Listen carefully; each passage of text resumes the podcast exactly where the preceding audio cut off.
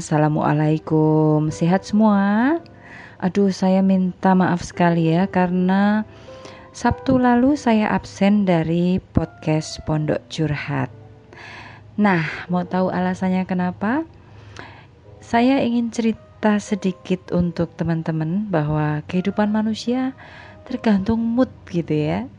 Kalau hatinya lagi senang, hatinya lagi enak, uh, kondisi fisiknya juga lagi sehat, semangat, pasti yang terjadi segala sesuatunya baik di sekeliling kita. Sebaliknya kalau moodnya lagi nggak enak, atmosfer atmosfernya juga sedang buruk, kayaknya bikin apa aja susah terus karena hasilnya gagal lagi, gagal lagi. Nah itu yang terjadi dengan saya dan saya pengen cerita apa adanya saja namanya juga manusia ya kita ini nggak sempurna jadi meskipun kadang-kadang kita seakan-akan terlihat selalu baik, selalu sukses, selalu gagah gitu ya dalam penampilannya. Tetapi dari uh, sisi yang lain, ini behind the scene ya, cerita di balik cerita. Ya ada um, true story yang saya ingin bagi untuk anda bahwa kadang-kadang dalam kita melakukan suatu kewajiban bisa terhambat oleh sesuatu hal yang tidak kita harapkan dan tidak kita sangka-sangka yang itu terjadi sehingga bisa betul-betul membuat apa yang kita lakukan itu gagal atau mungkin tertunda gitu kan? Atau mungkin uh, masih bisa diwujudkan tetapi dengan berbagai perbaikan dan uh, atau mungkin melakukannya uh, dua kali atau berulang-ulang untuk mewujudkan hal itu. Iya, tapi saya termasuk yang minggu lalu membuat rekaman untuk podcast Pondok Curhat bersama satu meja.com. Ternyata saya gagal dan saya menyerah. Saya waktu itu bilang ke produser saya ya. sekaligus mas editor saya, Mas Ferdian Klana dari satu meja.com. Saya terpaksa izin dulu untuk podcast minggu ini kayaknya karena saya kehilangan mood dan kehilangan konsentrasi, saya tidak fokus dan saya tidak tahu mau berbuat apa-apa untuk um, menayangkan siaran podcast saya. Entah kenapa gitu ya. Seumur-umur setelah puluhan tahun saya tidak merasakan sesuatu yang apa ya uh, salah atau kikuk atau atau um, membebani saya ketika saya tidak melakukan sesuatu yang seolah-olah itu menjadi kewajiban yang tidak bisa ditinggalkan. Beda kalau kita bekerja, ada tanggungan karena kita digaji orang atau kita punya kewajiban untuk memberikan kepuasan pada orang yang membayar kita. Nah, itu jadi beban, jadi tanggung jawab gitu ya. Enaknya karena ini kita ngomong tentang podcast di mana bentuk siaran sinear podcast ini adalah kesempatan untuk kita membagikan pengalaman hidup kita apa adanya kepada mereka yang mau mendengarkan pengalaman kita itu tidak dipaksa, tidak juga diminta uh, dengan apa ya? Di di push gitu ya. Uh, di dikejar-kejar atau ditarik-tarik di diseret-seret untuk ayo dengerin ayo dengerin. Bukan.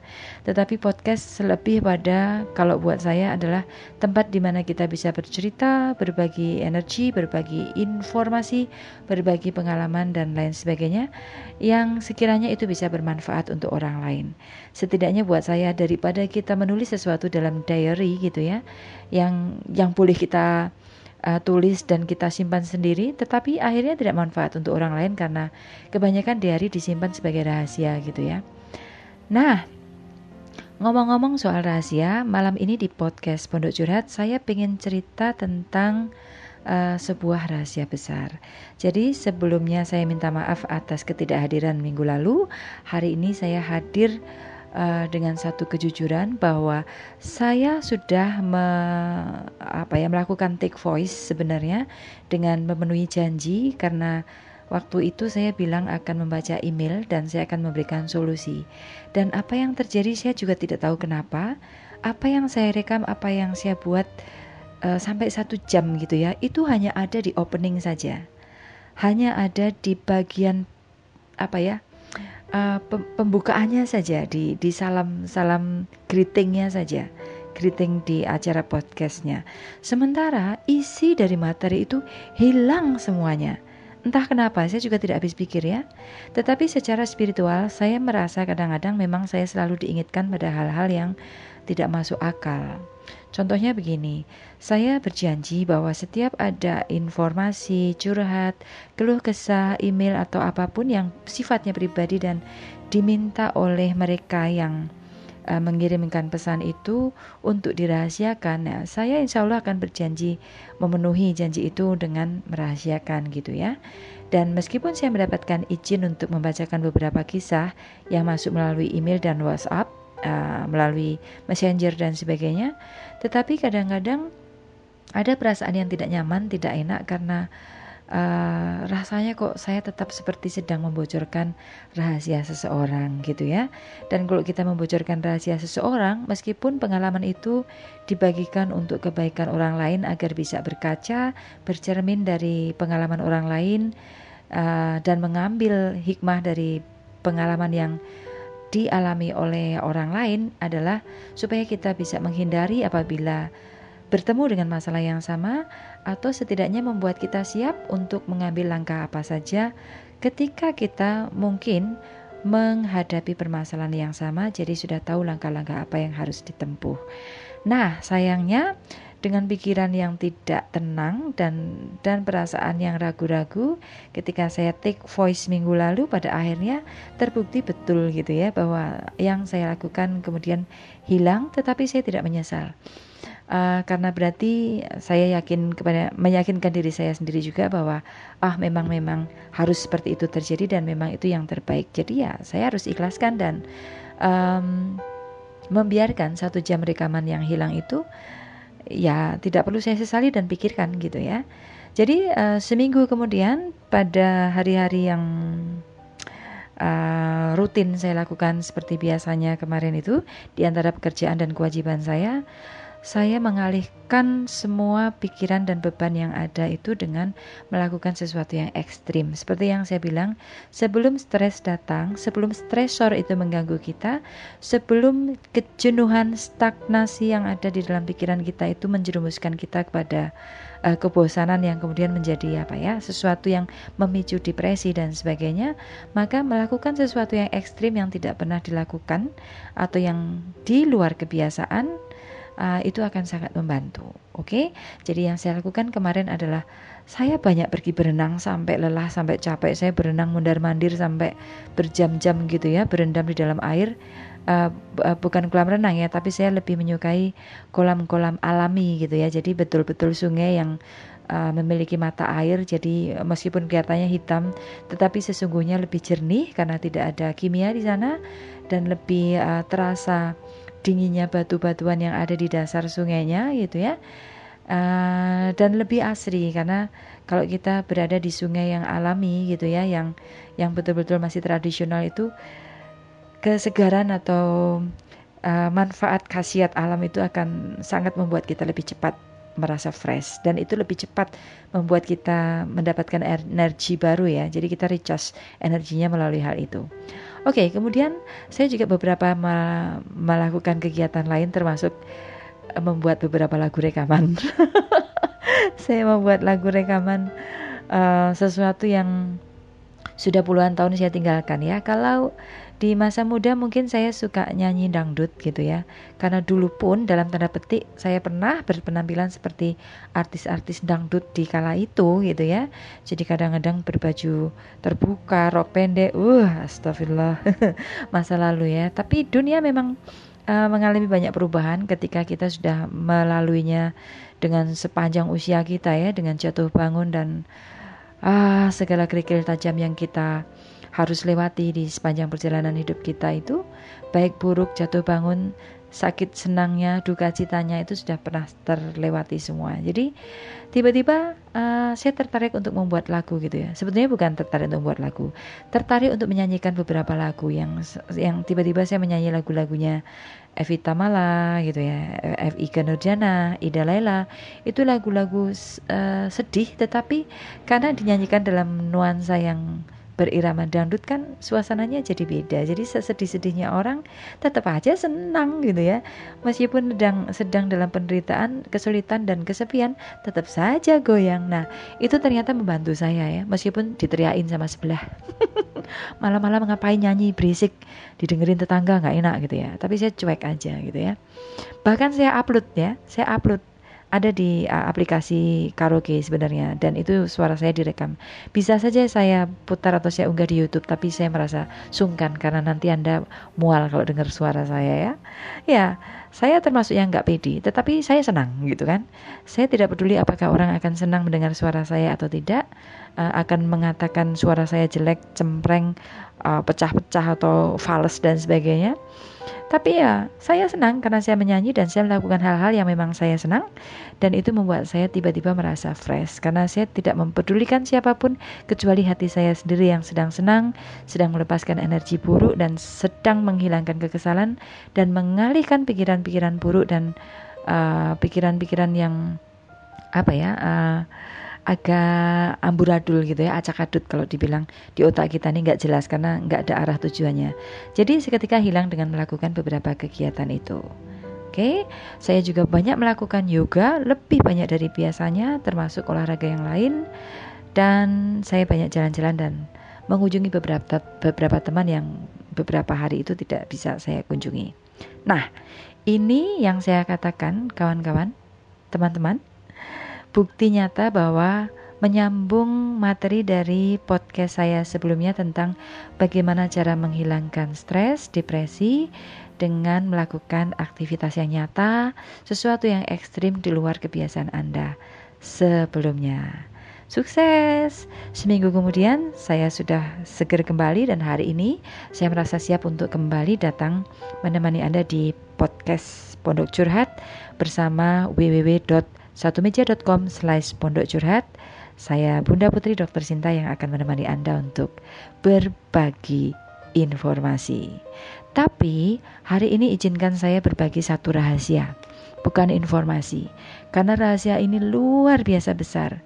Kalau saya menyampaikan sesuatu yang yang berkaitan dengan masalah-masalah orang, terutama kalau masalah orang itu adalah masalah yang pelik, yang penuh penderitaan, kesedihan, keluh kesah, rasa sakit, kebencian dan kemarahan dan sebagainya ya, termasuk dendam, iri hati, dengki dan sebagainya.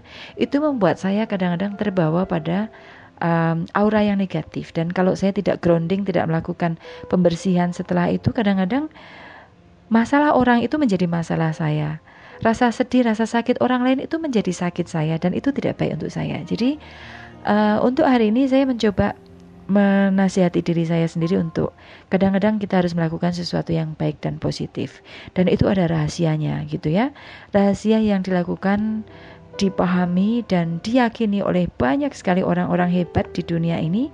Dan saya ingin bagikan untuk Anda sesekali kita berbagi sesuatu yang positif, sesuatu yang membangun, sesuatu yang bisa bermanfaat untuk uh, membantu kawan-kawan yang mungkin sedang dalam kondisi uh, down, lemah gitu ya, butuh support, butuh teman untuk curhat, teman untuk uh, mendukung, mensupport dan mendampingi untuk bangkit dan move on lagi.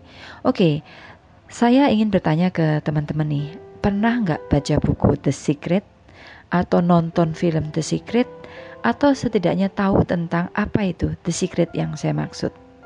Ya, saya yakin ada yang sudah membaca The Secret lengkap ya, memahami apa yang ditulis dan uh, mengerti apa yang dimaksudkan sehingga bisa menerapkannya dalam kehidupan sehari-hari dan bisa meraih kesuksesan seperti yang uh, di, disampaikan uh, di dalam buku itu sebagai panduan. Tetapi mungkin orang kita ini tidak suka membaca ya karena orang biasanya kalau membaca beberapa lembar sudah ngantuk jadi kalau membaca buku kelamaan sedikit pasti sudah tidur dan tidak ngerti apa yang dibaca ya karena nggak masuk. Apalagi kalau tulisannya kecil-kecil dan panjang apalagi bukunya tebal males ya kan?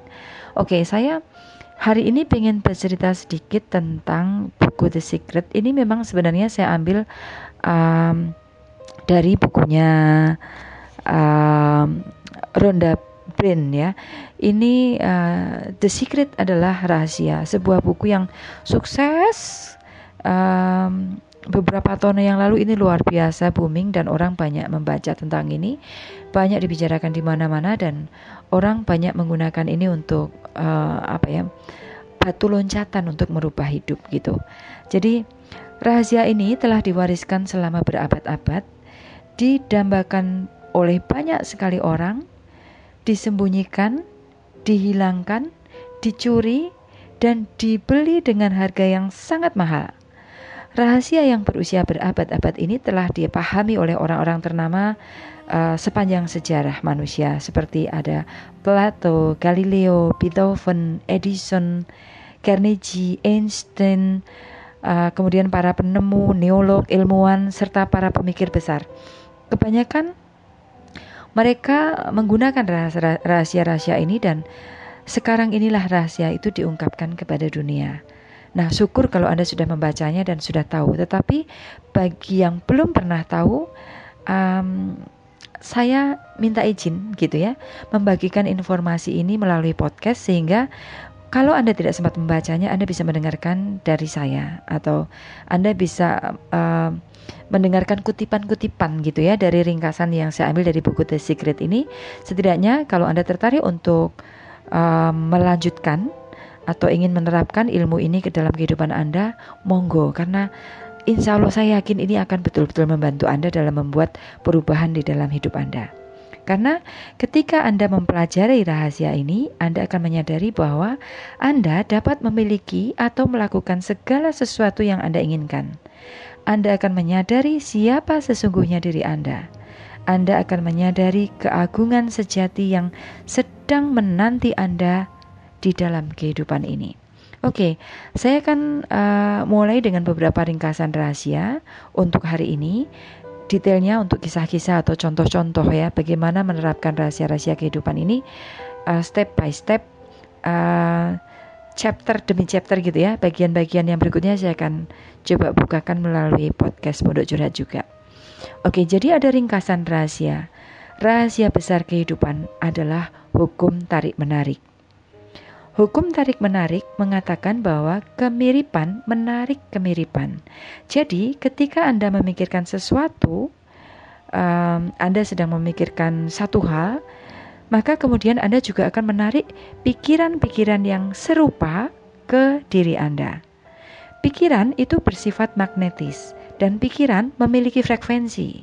Jadi, ketika Anda memikirkan pikiran-pikiran, maka pikiran-pikiran itu dikirim ke alam semesta dan secara magnetis pikiran akan menarik semua hal yang serupa yang berada di frekuensi yang sama. Nah, segala sesuatu yang dikirim keluar akan kembali ke sumbernya, yaitu Anda. Jadi kalau Anda memikirkan sesuatu, contoh kecilnya begini. Anda siang ini tiba-tiba lapar gitu ya. Terus berpikir, kok aku ingin makan gado-gado ya? Oke, Anda merasa ingin makan gado-gado dan Anda memikirkannya, tiba-tiba pintu rumah ada yang mengetuk, tok tok tok gitu. Assalamualaikum, Bunda Putri. Uh, saya masak gado-gado nih tadi kayaknya kelebihan. Mau nggak mencicipi satu piring? Nah, itu yang saya maksud. Jadi ketika kita merasakan sesuatu, menginginkan dan betul-betul memikirkan entah bagaimana alam semesta itu mewujudkan apa yang kita inginkan dan kita pikirkan. Jadi yang tadinya lapar, pengen makan gado-gado, memikirkannya betul-betul, baru selesai ngomong tiba-tiba tetangga datang mengantar gado-gado. Nah itu adalah contoh bahwa pikiran bersifat magnetis, dia eh, memiliki frekuensi dan dia bisa menarik hal-hal yang serupa ke kembali kepada sumbernya yaitu Anda sebagai pemilik pikiran dan pemilik uh, energi yang uh, apa me, mengoperasionalkan atau yang menjalankan frekuensi itu. Oke? Okay? Jadi Anda seperti sebuah menara penyiaran yang memancarkan frekuensi dengan pikiran-pikiran Anda, dan jika Anda ingin mengubah sesuatu di dalam hidup Anda, ubahlah frekuensi dengan mengubah pikiran Anda.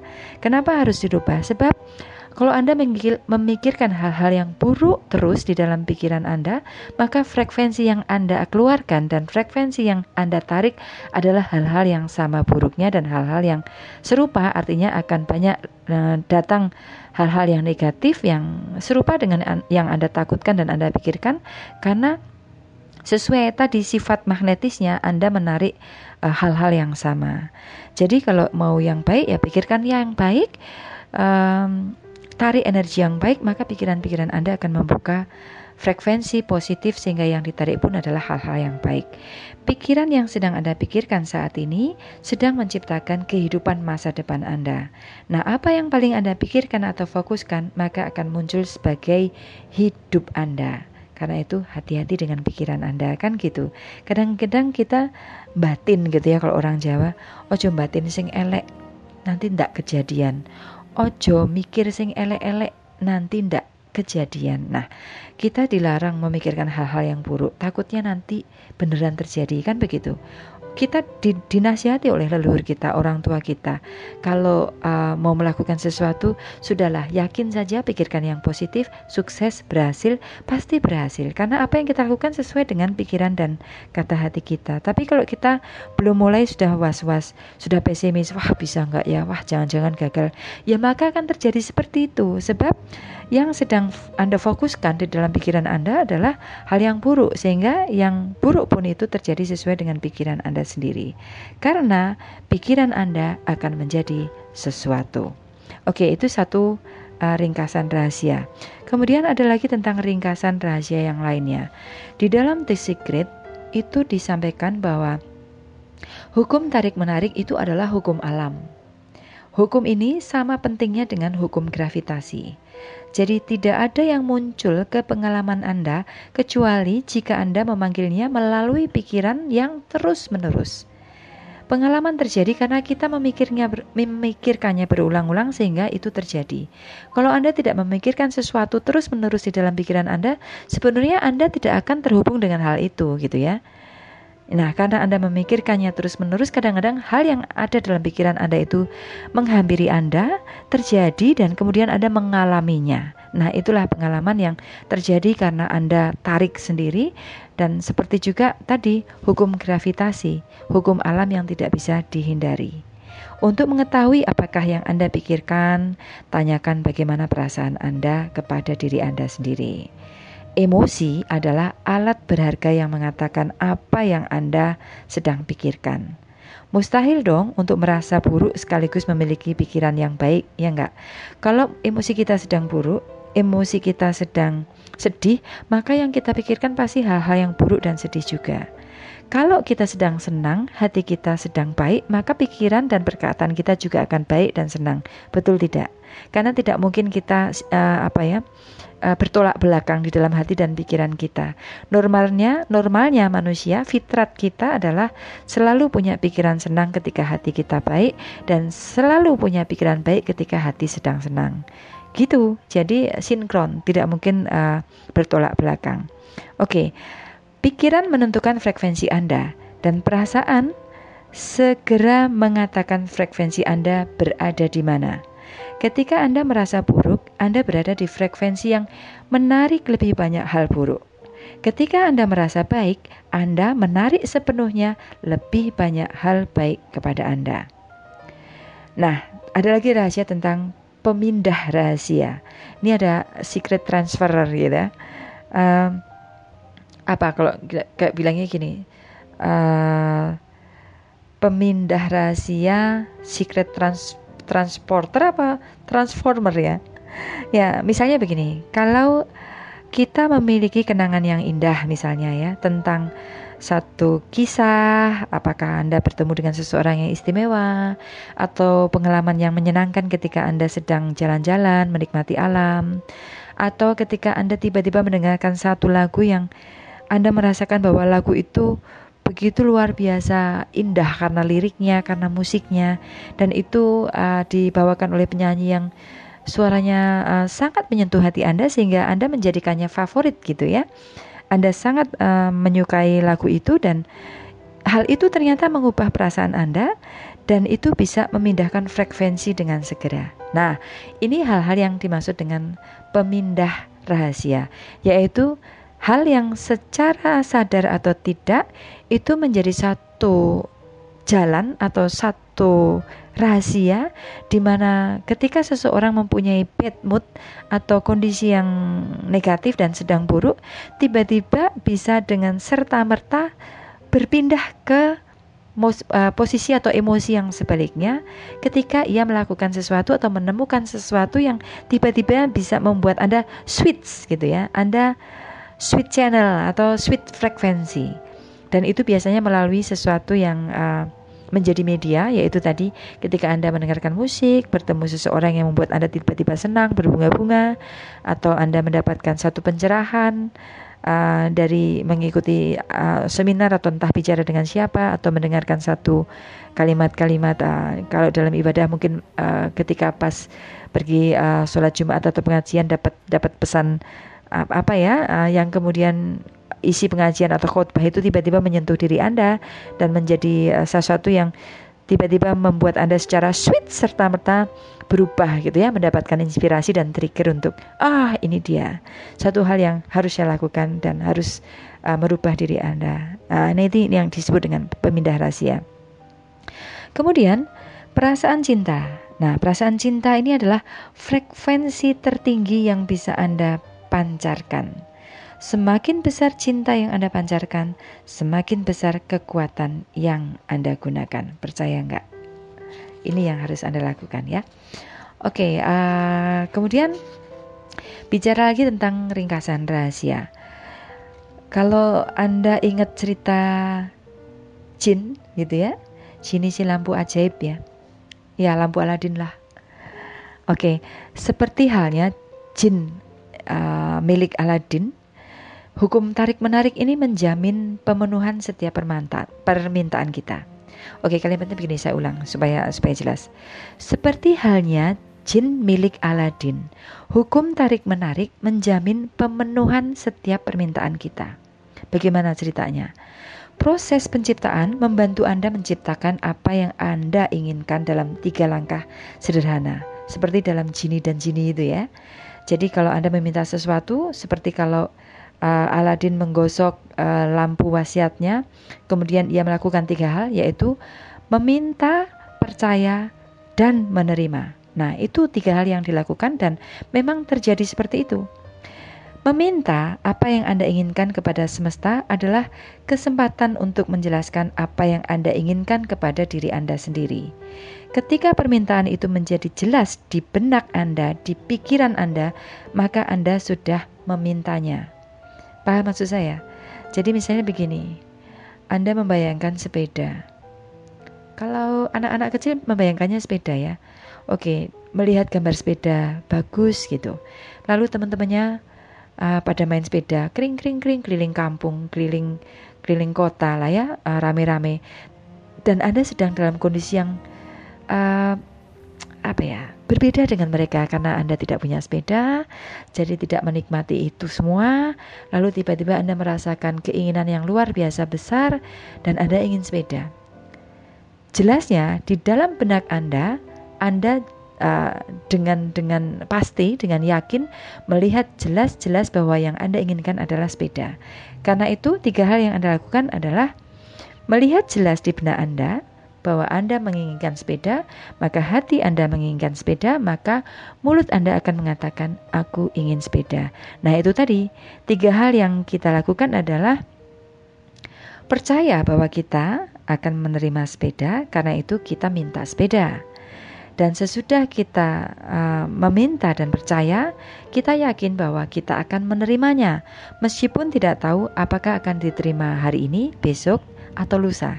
Tetapi dengan memikirkan kita sudah meminta, dengan meyakini kita sudah merasa bahwa itu pasti ada dan menerima kita uh, uh, sudah memastikan bahwa hal itu terjadi meskipun mungkin belum terwujud. Oke, nah ini adalah tiga hal yang diungkapkan dalam ringkasan rahasia. Percaya melibatkan bertindak, berbicara, dan berpikir seakan-akan Anda sudah menerima apa yang Anda minta, padahal belum ya. Ketika Anda memancarkan frekuensi menerima, maka hukum tarik-menarik akan menggerakkan orang, peristiwa, dan situasi kepada Anda untuk menerima. Menerima melibatkan perasaan seperti yang Anda rasakan ketika permintaan Anda itu terwujud. Merasa baik, merasa senang, um, pada saat ini akan menempatkan Anda pada frekuensi yang Anda inginkan.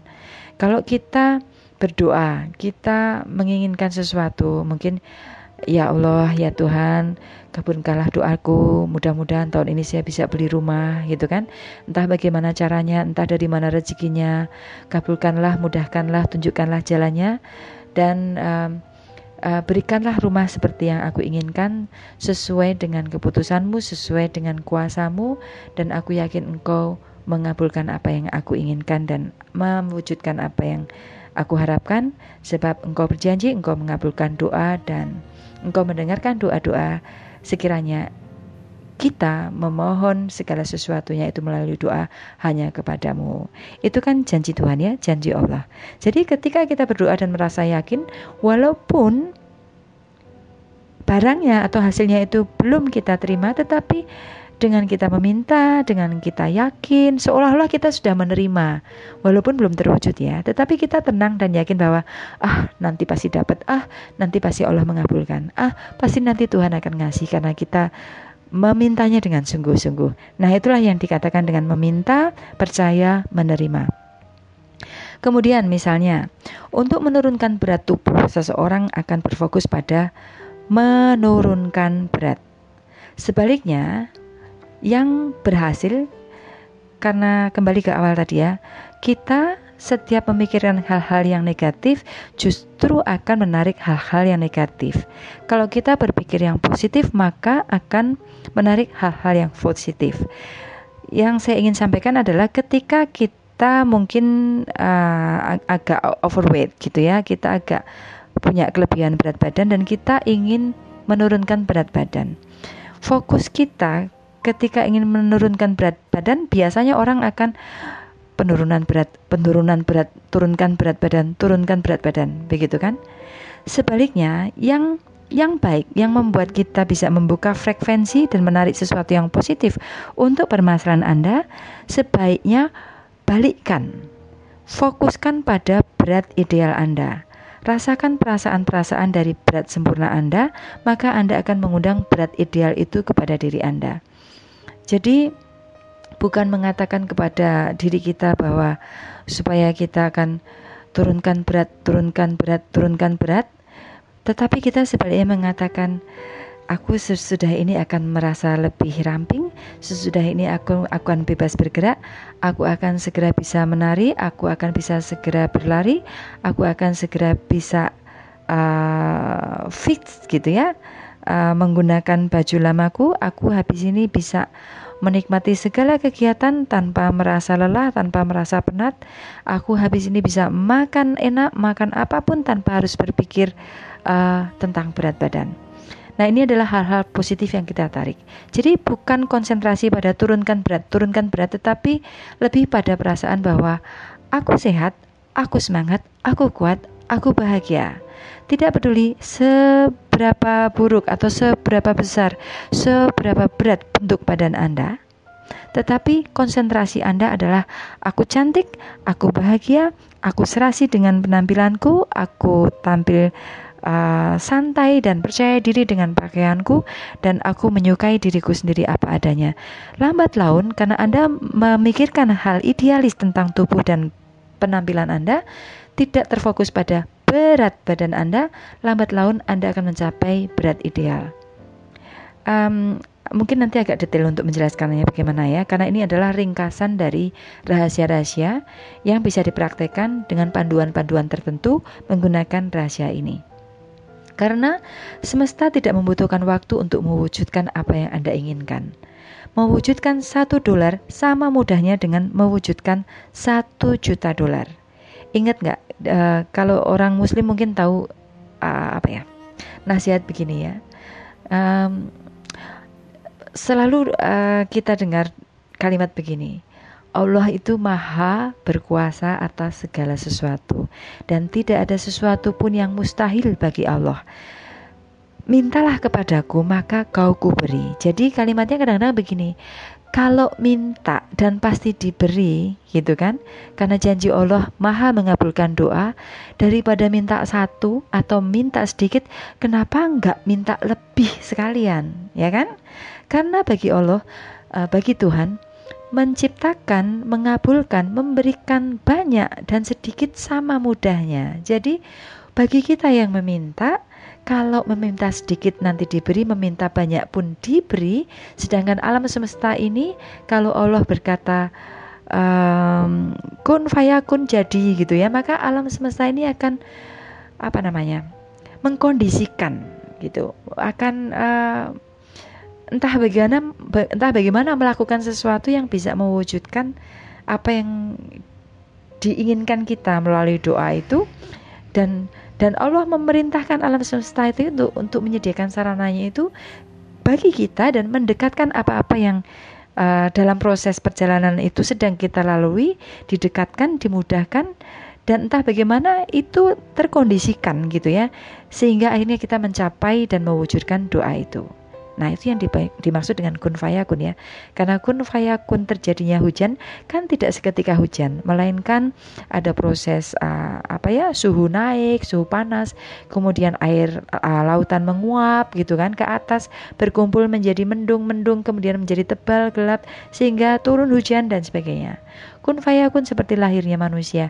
Tidak seketika jadilah manusia maka jadi begitu, tetapi ada prosesnya bahwa ada alam yang mengandung mineral, seperti ketika Allah mengatakan bahwa manusia itu diciptakan dari zat yang berdenting, artinya satu tetes mani manusia ini ya uh, dari dari sperma laki-laki yang beralih dari tanah gitu kan naik ke dalam rahim ibu dan dibuahi dari satu tetes air hina yang katanya begitu ya itu diciptakanlah manusia. Prosesnya kenapa?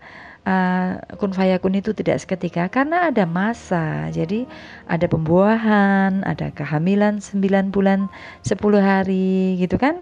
Maka setelah lahir barulah itu uh, terwujud. Jadi tidak serta-merta terjadi demikian, tetapi selalu ada proses. Tetapi um, rahasia yang kita ingin sampaikan di dalam buku ini adalah bahwa semesta tidak membutuhkan waktu untuk mewujudkan apa yang kita inginkan. Karena kata Allah begitu mudahnya menciptakan sesuatu, kecil atau besar, ya kan? Yang sulit atau mudah bagi kita tetap mudah bagi Allah dan itu uh, akan bisa dilakukan atau diwujudkan kapan pun apabila Tuhan mengendakikan seperti itu. Jadi ya kalau meminta, mintalah sesuatu yang besar gitu, mintalah sesuatu yang mustahil dan sesuatu yang luar biasa karena siapa tahu nanti akan terwujud seperti itu. Jadi tidak ada mimpi yang uh, apa ya tidak terwujud. Kadang-kadang manusia sukses itu dimulai dari mimpi-mimpi yang mustahil. Betul nggak? Karena sudah banyak kita men, meng, apa ya membaca, uh, dengar dari mana-mana. Kita tahulah kisah-kisah orang sukses yang semula kalau ditanyakan pasti diawali dari mimpi, dari pikiran-pikiran yang mustahil gitu, mimpi yang terlalu tinggi, mimpi yang tidak masuk akal. Tapi buktinya ya ternyata terjadi gitu. Buktinya ada di belakang hari itu betul-betul sampai ke sana. Jadi teman-teman mungkin bisa menggunakan rahasia ini Memulai dengan sesuatu yang kecil, misalnya, kalau Anda memulai dengan secangkir kopi atau tempat parkir, itu adalah cara yang mudah untuk mengalami hukum tarik-menarik. Dengan kuat, niatkan untuk menarik sesuatu yang kecil. Ketika Anda mengalami kekuatan yang Anda miliki untuk menarik sesuatu, Anda akan melanjutkan menciptakan hal-hal yang lebih besar. Tadi contoh saya adalah mencoba memulainya dengan begitu. Uh, memulai hal kecil dulu ya melakukan dengan pikiran kecil dulu dan lalu me menarik hal-hal yang besar.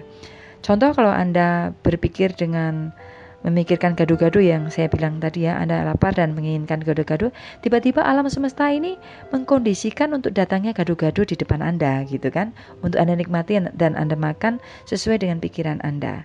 Sama ketika dalam kisah The Secret disampaikan tentang seorang ibu yang apa ya pegawai gitu ya yang setiap hari selalu saja kesulitan mendapatkan tempat parkir tetapi hari itu ketika dia berangkat dengan yakin dan positif bahwa ketika dia masuk mobil dia sudah mengatakan secara sugestif gitu ya di dalam dirinya dia mengatakan bahwa hari ini perjalananku lancar, hari ini aku akan mendapatkan tempat parkir, hari ini segala sesuatunya akan mudah bagiku dan semuanya menyenangkan sebab hari ini indah bagiku. Nah, pada saat yang seketika itu juga karena hatinya meminta dan ia yakin kemudian ia menerima gitu ya. Tepat ketika ia sampai di tempat parkir perusahaannya, Persis ketika dia masuk di area itu, ada satu tempat parkir yang kosong yang seolah-olah disediakan untuknya. Entah bagaimana caranya. Nah, Anda bisa mencobanya dengan hal-hal itu ya. Dengan menarik sesuatu, coba Anda pikirkan sesuatu, Anda katakan, um, Anda bayangkan, maka insya Allah hal itu akan terjadi. Contohnya mungkin Anda sudah pernah mengalami tetapi Anda tidak menyadari. Misalnya, uh, seorang ibu yang yang dia memikirkan anaknya gitu ya. Tiba-tiba terlintas pikiran kok aku kangen anakku gitu. Karena mungkin karena anaknya jauh, tinggal di luar kota, kuliah dan jarang telepon, jarang ketemu. Tiba-tiba dengan terlintas wajah anaknya, kangen ingin bicara, eh tiba-tiba anaknya nongol di depan rumah gitu. Loh, kok pulang? Wah, seperti ada kata-kata begini. Wah, sehati ya. Kok tahu? Kok ada yang batin ya? Kok aku kok terasa kupingku ada yang gatal ya? Ada yang ngomongin ya? Kok ada pikiran yang menarik-narik gitu? Aku kok pengen pulang. Nah kadang-kadang hal yang seperti itu. Lagi batin anak anak pulang. Lagi pengen makan gado-gado gado-gado datang. Gitu kan? Lagi pengen kayak misalnya ibu-ibu kalau ikut arisan sudah pikirannya ah pasti nanti dapat pasti nanti dapat. Nah pas arisan dikocok keluar. Eh dapat juga. Paham nggak? Hal-hal seperti itu sebetulnya sering terjadi. Kita banyak mengalami hal tarik menarik seperti itu secara magnetis gitu ya. Tetapi kita tidak menyadari bahwa sebenarnya kita sudah melakukannya tanpa menyadari bahwa rahasia-rahasia itu sebetulnya sudah ada di dalam lingkungan hidup kita dan mendampingi kita setiap saat Oke, jadi ciptakanlah hari Anda terlebih dahulu dengan memikirkan wujud-wujud peristiwa yang Anda inginkan pada hari itu, maka Anda akan menciptakan hidup Anda dengan sengaja. Jadi kalau Anda bangun tidur hari ini dengan pikiran buruk, artinya Anda sedang menciptakan hari-hari buruk itu akan Anda nikmati di sepanjang kegiatan Anda sehari itu. Tetapi kalau Anda ketika bangun tidur sudah memikirkan hal yang positif, maka atmosfer Anda selamanya akan positif sebab Anda menarik hal-hal yang positif dari sejak Anda bangun tidur. Jadi semuanya akan menyenangkan, semuanya akan uh, happy dan akan berjalan sesuai dengan pikiran Anda. Jadi ciptakanlah, create hari ini sesuai dengan mind Anda, dengan pikiran Anda. Kalau Anda ingin hari ini sukses, maka anggap sukses itu sudah Anda dapat dari sejak Anda bangun tidur hingga Anda uh, pulang dari uh, tempat kegiatan Anda, uh, kegiatan Anda atau tempat kerja Anda uh, sampai pada malam harinya ketika Anda kembali lagi ke rumah. Nah, itu kunci kenapa the secret rahasia hidup itu memang harus kita kita pahami dan kita gunakan gitu ya. Kalau kita mengabaikan rahasia-rahasia ini kadang-kadang ya itulah kalau kita bangun tidur sudah malas gitu tidurnya juga mimpi buruk, nanti bangun tidur kesiangan, nah semuanya berantakan. Tapi kalau Anda merasa positif, Anda baik, maka tiba-tiba semuanya menjadi baik terus gitu ya. Alam akan mengikuti keinginan Anda. Oke, kemudian ada lagi ringkasan rahasia tentang uh, ketika Anda menarik apa yang Anda tolak karena Anda berfokus padanya dengan emosi yang sangat kuat untuk mengubah sesuatu, masuklah ke dalam dan pancarkan sinyal yang baru melalui pikiran dan perasaan Anda.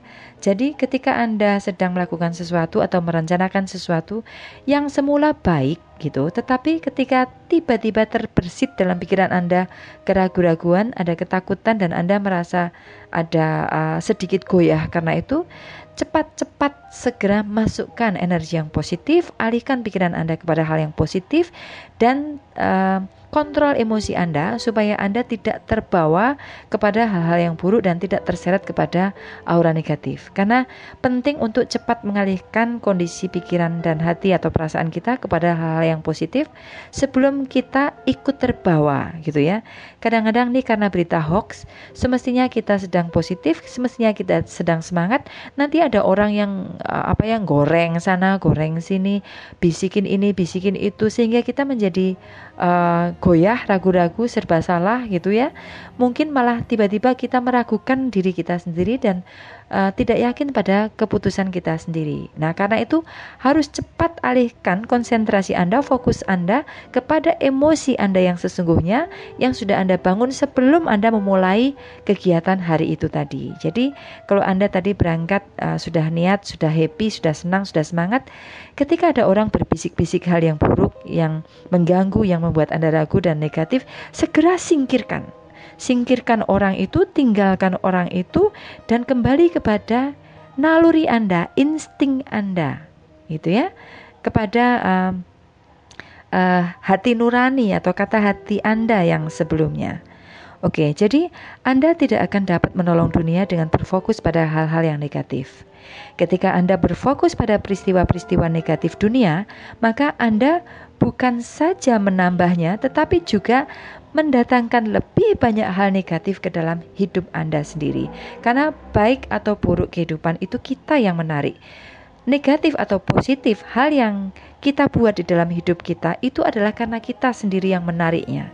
Jadi kalau orang mau bilang sukses atau tidaknya seseorang itu bukan karena orang lain, ya karena kita sendiri yang membuatnya sukses atau kita sendiri yang membuatnya gagal. Jadi jangan salahkan orang lain.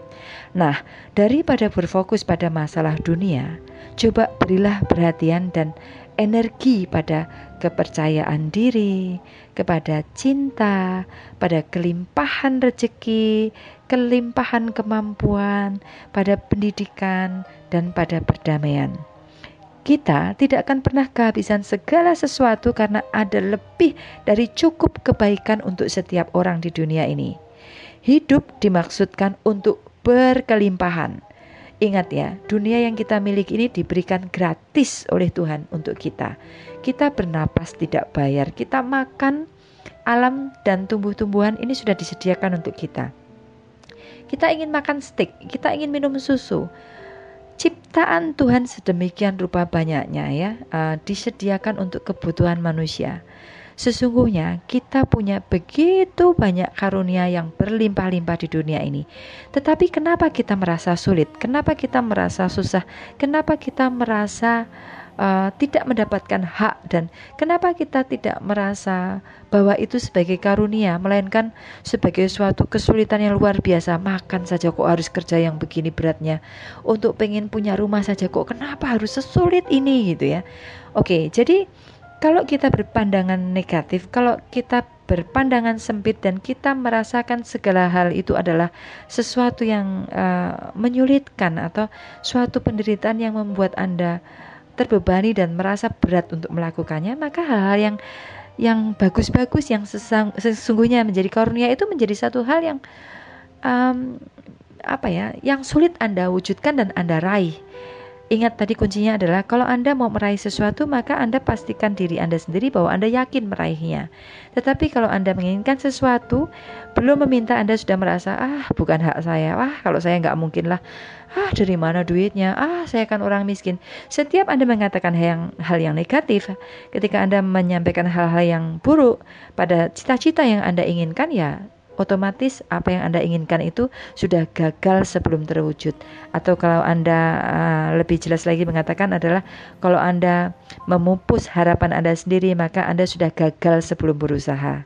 Oke, jadi Anda memiliki kemampuan, Anda memiliki kemampuan untuk memasuki cadangan yang tidak terbatas melalui pikiran Anda sendiri, melalui perasaan Anda sendiri, serta Anda bisa mendatangkannya ke dalam pengalaman-pengalaman hidup Anda melalui pikiran Anda dan keyakinan hati Anda. Jadi, segala sesuatu yang ada di dunia ini syukuri. Apa pun yang Anda lihat, Anda nikmati. Ciptaan Tuhan yang diberikan sedemikian rupa kepada Anda, Anda harus menikmatinya dengan rasa syukur dengan dengan kebahagiaan dan dengan rasa yang sungguh-sungguh berterima kasih dan Anda menikmatinya tanpa harus apa ya menarik hal-hal yang negatif atau um, kayak gini contohnya kemudian ada ingin menguasai sendiri ingin memiliki sendiri ingin uh, menyimpan sendiri. Karena kalau anda melakukan sesuatu dan kemudian menjadi selfish menjadi egois anda tidak akan merasa bahagia. Sebab orang bahagia fitratnya manusia itu berkaitan dengan hukum tarik menarik dan uh, fitrat alam tadi ya bahwa manusia itu kalau senang dia akan segera bercerita kepada orang lain. Seseorang itu kalau menerima kebahagiaan dia akan langsung berbagi kepada orang lain. Dia akan mengajak orang lain untuk ikut berbahagia juga gitu ya. Kalau Anda mendapatkan lotre, Anda mendapatkan gratis makan, Anda mendapatkan voucher atau uh, uang kaget dan sebagainya, otomatis di dalam pikiran kita ah aku mau ajak ini untuk makan juga, ah aku ingin berikan ini untuk orang lain juga.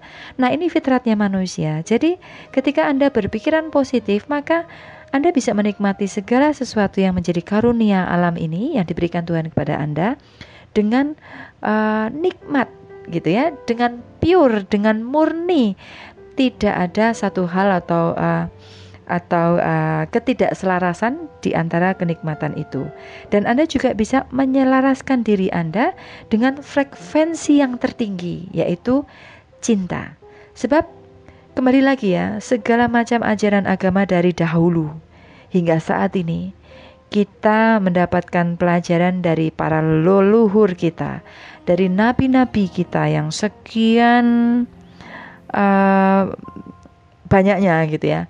Sorry kalau di dalam Islam kita mengenal 25 nabi gitu kan dari berbagai macam agama dan keyakinan. Tapi kalau Anda mengetahui atau membaca di dalam hadis itu dijelaskan sebetulnya ada 150 ribu nabi gitu. Eh sorry 150 atau 150 ribu ya. Uh, ralat kalau saya saya salah, tetapi saya hanya mengingat bahwa uh, kalimatnya begini, manusia ini kan begitu banyak dari se sejak penciptaan manusia hingga saat ini. Dan hidup manusia itu kan rata-rata hanya sekian puluh tahun ya. Kalau kalau um, paling banter lah ya, uh, umur kita ini tertinggi ya 65-an itu sudah rata-rata lebih lagi ya 100 tahun dalam usia manusia itu sudah yang kayaknya mustahil banget untuk saat ini ya karena banyak sekali hal-hal yang bersifat uh, apa ya negatif. Kita ini makan banyak racun ya di di dunia ini karena uh, apa ya uh, polusi udara gitu kan makanan instan yang campur kimia dan sebagainya. Oke, saya tidak bicara itu, tetapi di dalam setiap 100 tahun itu selalu ada petunjuk gitu kan um, yang oleh Tuhan sendiri diciptakan bahwa setiap 100 tahun maka akan dihadirkan seseorang, didatangkan seseorang, apakah itu nabi, apakah dia mujadid ataukah pembaharu, satu orang itu yang akan membantu kita untuk uh, uh, apa ya? Me menjalani hidup kita. Karena satu orang di setiap awal abad ini membantu kita untuk um, fokus gitu kan terarah gitu uh, tidak melenceng dan tetap berpegang pada tali Allah kan gitu. Uh, tali Allah apa tali Allah artinya uh, kita berpegang pada satu orang yang mengingatkan kita kepada ajaran agama gitu kan karena manusia ini menjadi menjadi baik apa pun agamanya seseorang itu menjadi baik adalah ketika kita melakukan perjalanan hidup kita dengan berpegangan kepada uh, ajaran agama kita masing-masing. Dengan kita beribadah, maka hidup kita menjadi baik. Tetapi kalau hidup kita kemungkinan jauh dari kepercayaan terhadap Tuhan Yang Maha Esa, gitu ya, tidak memiliki agama tertentu dan tidak melakukan ibadah tertentu, maka kebanyakan hidupnya tidak ada rasa kemanusiaannya, tidak ada rasa uh, perhatian, empati gitu. Tidak ada rasa kasih sayang dan tidak ada rasa syukur dan tidak uh, berterima kasih kepada penciptanya dan artinya tidak berterima kasih kepada lingkungannya dan tidak akan pernah bisa menikmati indahnya alam sebab tidak berterima kasih kepada segala sesuatu yang diciptakan oleh Tuhan untuk kita terutama di dalam kehidupan kita yaitu di alam semesta ini. Oke, okay, itu uh, tentang Kenapa cinta menjadi satu ajaran yang tertinggi dan cinta itu pula lah yang membuat kita hidup saat ini dengan segala macam perbedaan, dengan segala macam latar belakang, tetapi cinta membuat kita selalu bisa memaafkan, selalu bisa uh, apa ya? Uh, bertoleransi gitu kan, bisa mengerti, bisa memahami dan bisa menerima perbedaan-perbedaan, kekurangan maupun kelemahan. That's what's love is all about. Begitu ya kira-kira tentang cinta. Oke, terakhir mungkin saya akan sampaikan um, ringkasan rahasia lainnya yaitu tentang segala sesuatu yang ada di dunia ini adalah energi. Jadi uh, kalau Anda adalah magnet dari suatu energi, bayangkan ya magnet dari energi. Magnet itu sifatnya tarik menarik kan?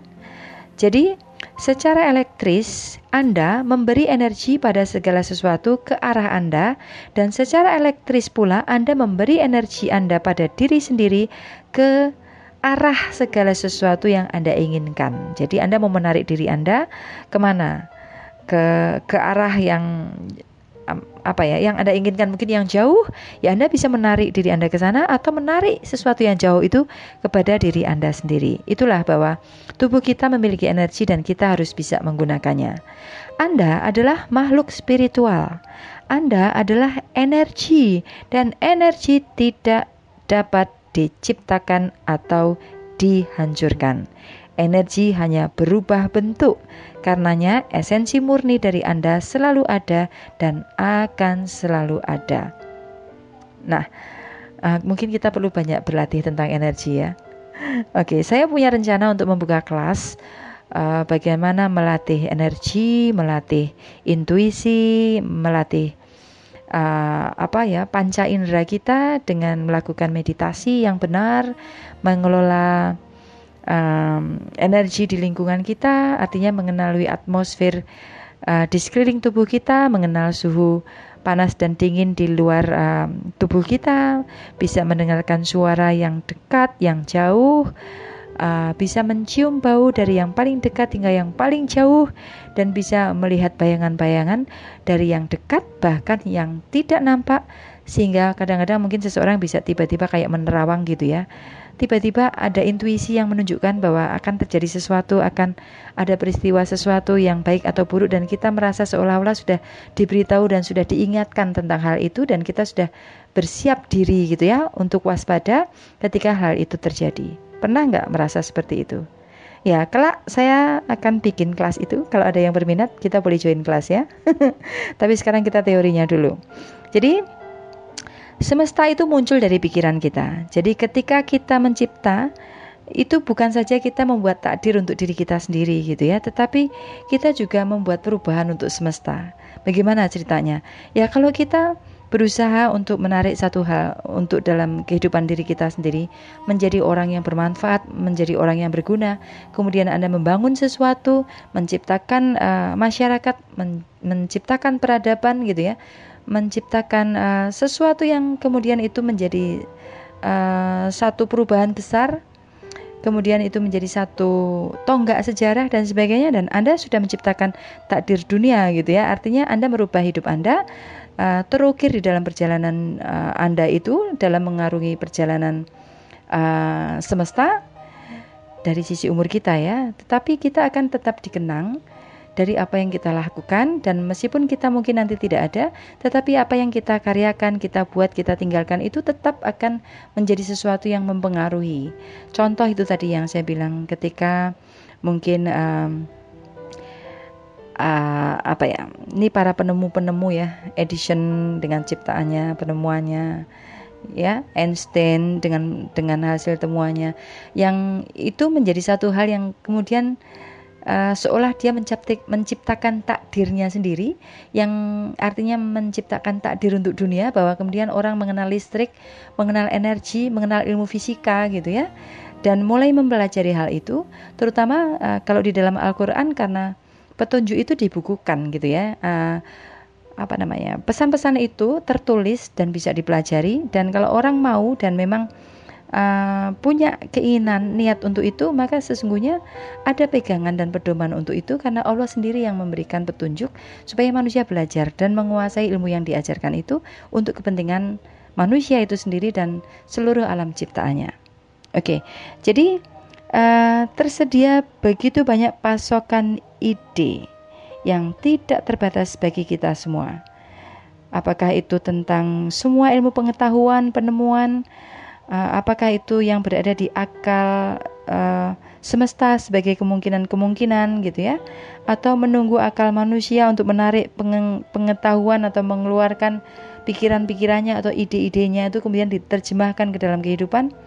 Atau Mungkin Anda menyimpan segala sesuatu di dalam kesadaran Anda, atau bahkan alam tidak sadar Anda, memikirkan sesuatu yang orang lain tidak pikirkan, mempunyai ide-ide yang orang lain mungkin tidak akan memikirkan hal itu, tetapi Anda memiliki kreativitas atau ide itu, dan Anda bisa mewujudkannya. Nah, ini adalah sesuatu yang nampak dan tidak nampak. Oke, yang uh, dari dari angan-angan, dari goib menjadi uh, zahir gitu ya, maksudnya. Oke, kemudian kalau kita semuanya ini hidup, kita terhubung dan kita semuanya adalah satu. Bayangkan dahulu manusia tidak terhubung dari uh, kondisi kita yang tidak pernah mengenal satelit gitu ya. Uh, yang sekarang gampang karena kita mengenal internet bahwa ternyata setiap manusia itu terhubung dari uh, Amerika ke Asia, dari Asia ke Afrika gitu ya, dari Afrika ke India, ke Australia. Ternyata begitu mudahnya kita berkomunikasi saat ini dan seperti saya sekarang bicara dengan Anda atau Anda mendengarkan suara saya, itulah artinya kenapa setiap manusia sesungguhnya terhubung. Karena kita ini tidak sendirian, tetapi kita semua adalah satu. Lepaskanlah kesulitan antara uh, manusia dan ciptaan. Lepaskan kesulitan, aturan budaya, keyakinan sosial masa lalu. Kemudian uh, karena Anda adalah satu-satunya orang yang dapat menciptakan kehidupan yang pantas bagi diri Anda sendiri, maka berbaik sangkalah pada diri Anda. Berpikirlah yang positif kepada diri Anda. Bangga dan bahagialah men menerima diri Anda. Jadi uh, tidak perlu merasa minder, tidak perlu merasa malu, tidak perlu merasa marah, kecewa, dan putus asa atau membenci kekurangan ataupun kelemahan diri Anda sendiri. Sebaliknya, syukuri itu, nikmati, dan um, katakanlah bahwa Anda memang pantas untuk itu, dan Anda mampu untuk melakukan sesuatu dengan apa pun yang Anda miliki. Oke, kemudian ada jalan pintas untuk mewujudkan hasrat Anda yaitu apabila Anda bisa melihat apa yang Anda inginkan itu sebagai fakta yang absolut. Sebetulnya gampang kalau kita mau mau apa ya, uh, coba sedikit berpikir dan meyakini. Anda lapar, Anda ingin makan. Dalam pikiran Anda, oke okay, hari ini aku ingin menggoreng, uh, aku ingin makan nasi goreng lengkap dengan isinya ya, entah dengan pernak-pernik hiasan menu atau uh, nggak tahu ingredientnya apa saja gitu ya. Tetapi ketika Anda mewujudkan satu gambar di dalam benak Anda, satu porsi nasi goreng lengkap dengan eh, segala macam pernak-perniknya gitu, maka anda akan segera melakukan uh, aktivitas atau melakukan uh, langkah atau akan melakukan apa ya tindakan yang nyata untuk itu. Artinya Anda akan segera pergi ke dapur gitu kan, cuci beras atau kalau sudah ada nasi Anda akan langsung menyiapkan segala sesuatunya, uh, meracik bumbu-bumbunya dan Anda mempersiapkan peralatan apa pun ya, uh, kompor, wajan, uh, apa pun itulah. Dan ketika Anda menginginkan sesuatu kemudian Anda melakukannya, maka sebentar kemudian nasi goreng tersaji di meja dan Anda tinggal menikmatinya. Sebetulnya semudah itu gitu ya. Tapi kadang-kadang kita nggak berpikir hal yang kecil pun berjalan seperti yang kita inginkan, lalu kita melakukannya. Maka untuk hal yang besar pun seharusnya kita mampu melakukannya dengan cara yang sama. Pikirkan mimpi Anda, lalu lakukan step by step langkah demi langkah sesuatu yang menuju kepada mimpi-mimpi besar Anda. Jadi ketika menginginkan sesuatu, jangan hanya ada di angan-angan. Kalau Anda lapar, Anda ingin makan nasi goreng, jangan hanya tiduran sambil mimpi makan nasi goreng. Tetapi lakukanlah sesuatu gitu ya. Siapa tahu dengan Anda memikirkan nasi goreng, nasi goreng, nasi goreng gitu, tetapi Anda uh, tidak dalam kondisi tidur, tetapi Anda bergerak dengan positif. Anda membuka jendela-jendela gitu ya. Anda membuka pintu-pintu. Mudah-mudahan apa yang ada dalam pikiran Anda itu akan segera terwujud entah bagaimana caranya, entah dari mana datangnya, tetapi ingat kuncinya tadi ketika Anda melakukan tiga hal seperti uh, Aladin meminta uh, melakukan tiga hal uh, kepada lampu ajaibnya yaitu dengan meminta um, eh sorry menginginkan, meminta dan menerima gitu ya. Menginginkan, meminta dan menerima, maka segala sesuatu yang tadinya sulit akan menjadi mudah bagi Anda. Oke? Itu jalan pintas yang kita bisa lakukan. Mulai sekarang positif lah. Jadi yakinlah. Jadi Anda itu mampu, Anda itu bisa. Jangan lihat orang lain, jangan lihat ke atas, tetapi lihatlah diri Anda sendiri. Anda berhak, Anda bisa, dan Anda akan menikmati hal itu kalau Anda membiarkan segala sesuatu yang positif datang pada Anda, atau paksa tarik apa pun yang ada di luar itu untuk menjadi milik Anda, sehingga Anda bisa berada di sana untuk menikmati keinginan-keinginan yang ada, menikmati kebahagiaan, kepuasan, dan kesempurnaan diri Anda sendiri sebagai pemilik frekuensi. Oke, daya Anda dalam pikiran Anda akan tetap menjadi satu frekuensi yang uh, aktif ketika Anda selalu berada dalam posisi sadar untuk menggunakannya.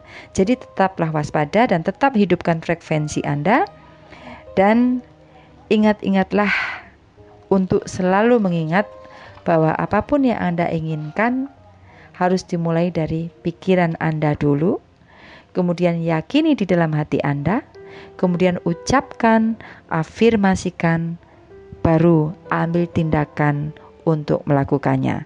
Insya Allah dengan berdoa, dengan meyakini bahwa segala sesuatu ini diciptakan oleh Tuhan dengan maksud dan tujuannya dan selalu ada hikmah di balik kisah-kisah peristiwa apa pun baik dan buruk penderitaan, kesedihan, suka, duka, uh, suka duka kemudian apa ya apa ya kesenangan uh, kesedihan duka cita yang kita alami segala sesuatunya adalah demi untuk membuat anda menjadi manusia yang betul-betul hidup yang mengerti baik dan buruk tahu eh, hal-hal uh, yang negatif dan positif, tetapi Anda mengontrol diri Anda sendiri, Anda tidak dipengaruhi oleh hal-hal buruk di sekitar Anda, Anda tidak terbodohi gitu ya, tidak um, apa ya menjadi korban dari keburukan-keburukan orang lain di sekitar Anda tetapi Anda kokoh pada keputusan Anda Anda kuat di dalam pendirian Anda dan Anda positif di dalam kehidupan Anda maka Anda akan menjadi orang yang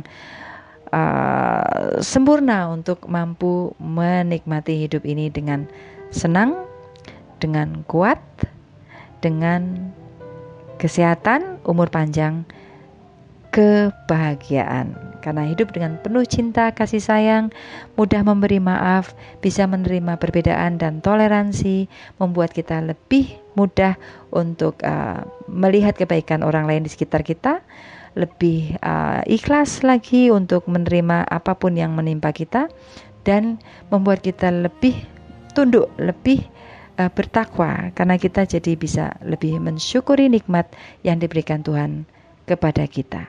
Oke. Okay? Uh, sebelum saya mengakhiri untuk podcast Pondok Curhat hari ini, saya ingin membuat uh, satu catatan dari ringkasan rahasia yang mungkin bisa Anda lakukan ya untuk teman-teman. Jadi ini PR nih yang mesti bisa uh, Anda buat dan Anda coba lakukan gitu ya. Uh, karena ini akan membuat Anda akan menjadi lebih baik dan Insya Allah saya yakin pasti akan ada perubahan yang bisa Anda segera lihat hasilnya gitu ya. Jadi anda harus mengisi papan tulis kehidupan Anda dengan apa pun yang Anda inginkan sekarang ini. Jadi buat prioritasnya skala-skala gitu ya. Sepanjang hidup Anda, apa yang Anda inginkan, apa yang belum Anda miliki sekarang dan Anda ingin miliki nanti, coba tulis gitu ya. Jadi uh, Anda buat catatan sendiri, ibaratnya tulis papan uh, isi papan tulis Anda sendiri dengan apa pun keinginan yang Anda inginkan gitu ya. Kemudian satu-satunya hal yang perlu Anda lakukan hanyalah Anda harus merasa baik-baik saja sekarang. Oke? Jangan merasa sedih, jangan merasa menjadi orang gagal. Jadilah orang yang um, berbahagia, orang yang berkemampuan dan orang yang uh, puas gitu ya.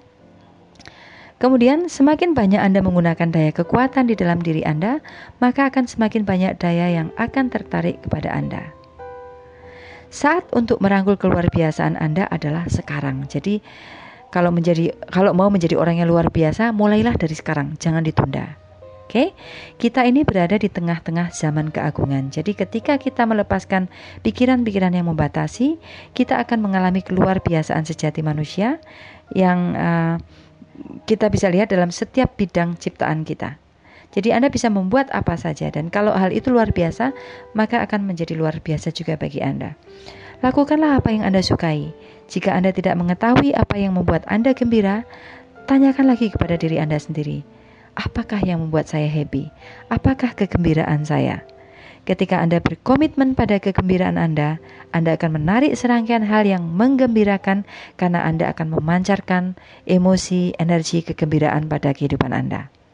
Nah, sekarang setelah Anda mengenal pengetahuan rahasia, apa yang akan Anda lakukan terserah pada Anda, tetapi apa pun yang Anda pilih adalah benar karena kekuatan milik Anda dan Anda adalah pemilik frekuensi. Silakan gunakan frekuensi itu. Saya kira itu untuk hari ini di podcast Pondok Curhat bersama saya Bunda Putri, Dokter Cinta. Hari ini saya membagikan sesuatu yang positif.